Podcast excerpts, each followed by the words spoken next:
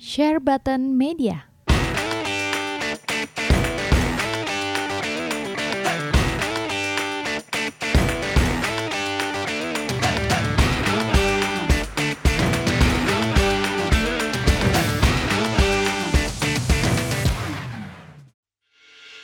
Hai bro and sis, Berak Game News balik lagi nih buat ngisi kekosongan ruang-ruang di otak kamu yang emang suka banget sama game.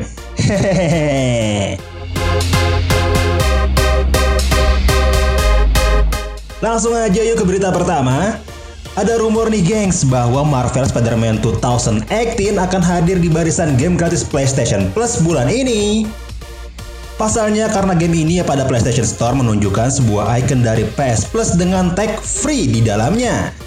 Yang mana hanya dapat terlihat apabila kamu memilih game tersebut yang nantinya memberikan pilihan untuk memilih Standard Edition ataupun Digital Deluxe Edition. Tapi banyak juga yang menepis berita ini. Karena bisa aja terjadi glitch atau kegagalan kecil.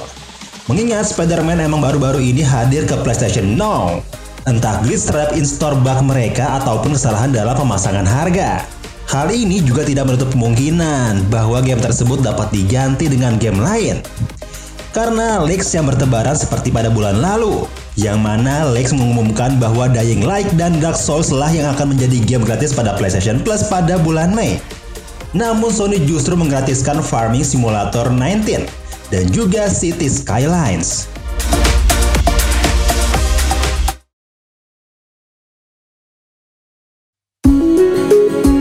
Nippon Ichi Software membagikan trailer ketiga untuk game visual novel horor mereka yang berjudul Yoru Tomosu. Dalam trailer ketiga yang dibagikan tersebut memperlihatkan suasana mistis dan mencekam yang berdurasi hampir 2 menit. Game visual horor Yoru Tomosu yang dirilis di konsol PlayStation 4 dan Nintendo Switch pada tanggal 30 Juli mendatang di Jepang. Dalam video trailer yang dibagikan tersebut, kalian akan diperdengarkan sebuah langkah kaki dalam bangunan sekolah tua yang dilarang untuk dimasuki, di mana kalian akan mendengarkan alunan melodi koto pada sebuah ruangan kelas, serta lilin-lilin yang tiba-tiba menyala sendiri. Selain itu, kalian akan diperlihatkan berbagai kejadian yang menimpa Suzu dan teman-temannya. Mulai dari Maya yang terlihat loncat dari sebuah bangunan, hingga Rui yang ditabrak oleh kereta karena kakinya terikat benang atau senar.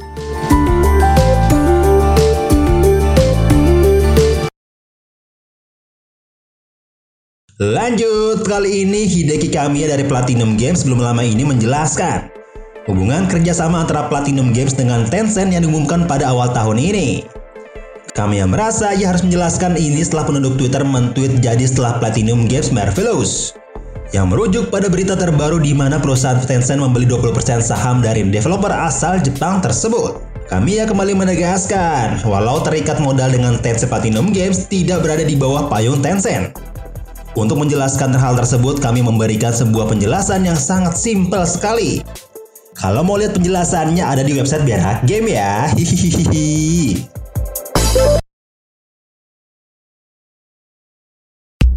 Buat warga Timur Tengah, sing sabar yo.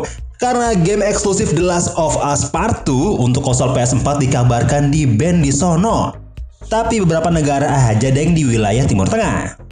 Di mana info ini didapatkan dari pengguna Reddit yang mengatakan bahwa game tersebut saat ini tidak tersedia untuk pre-order pada PS Store Saudi Arabia dan Uni Emirat Arab. Alasannya sih dilansir dari IGN, wilayah Timur Tengah memiliki toleransi yang lebih rendah terhadap LGBT. Seperti tokoh protagonis di The Last of Us Part 2, Ellie adalah seorang gay. Tapi menariknya, jika kalian melakukan search pada PS Store kedua region tersebut, Uni Emirat Arab dan Saudi Arabia, kalian bisa menemukan avatar dan tema dari The Last of Us Part 2.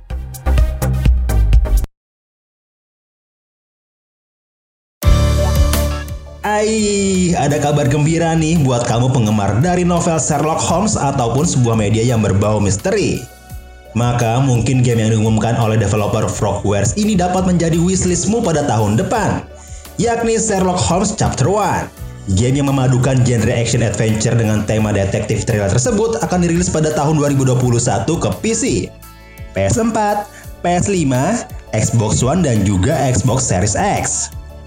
Sherlock Holmes Chapter 1 versi PC sendiri nantinya akan dirilis ke tiga platform, yakni Steam, Epic Game Store, dan juga GOG.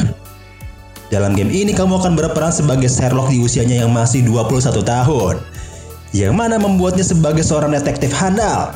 Namun juga sebagai seorang pemuda dengan jiwa pemberontak yang ingin membuktikan kemampuan dirinya. Kamu akan diharuskan untuk memecahkan berbagai misteri dan juga kejahatan yang terjadi. Yang mana setiap aksi dan juga pilihan yang kamu pilih akan berdampak pada kisah game ini ke depannya. Uh, seru banget pasti. Kalau mau lihat berita lebih lengkapnya, kunjungi website Biar Hakim aja ya. Subscribe dong, jangan lupa komen juga, like juga ya. Hehehe. Happy gaming, happy life. Bye.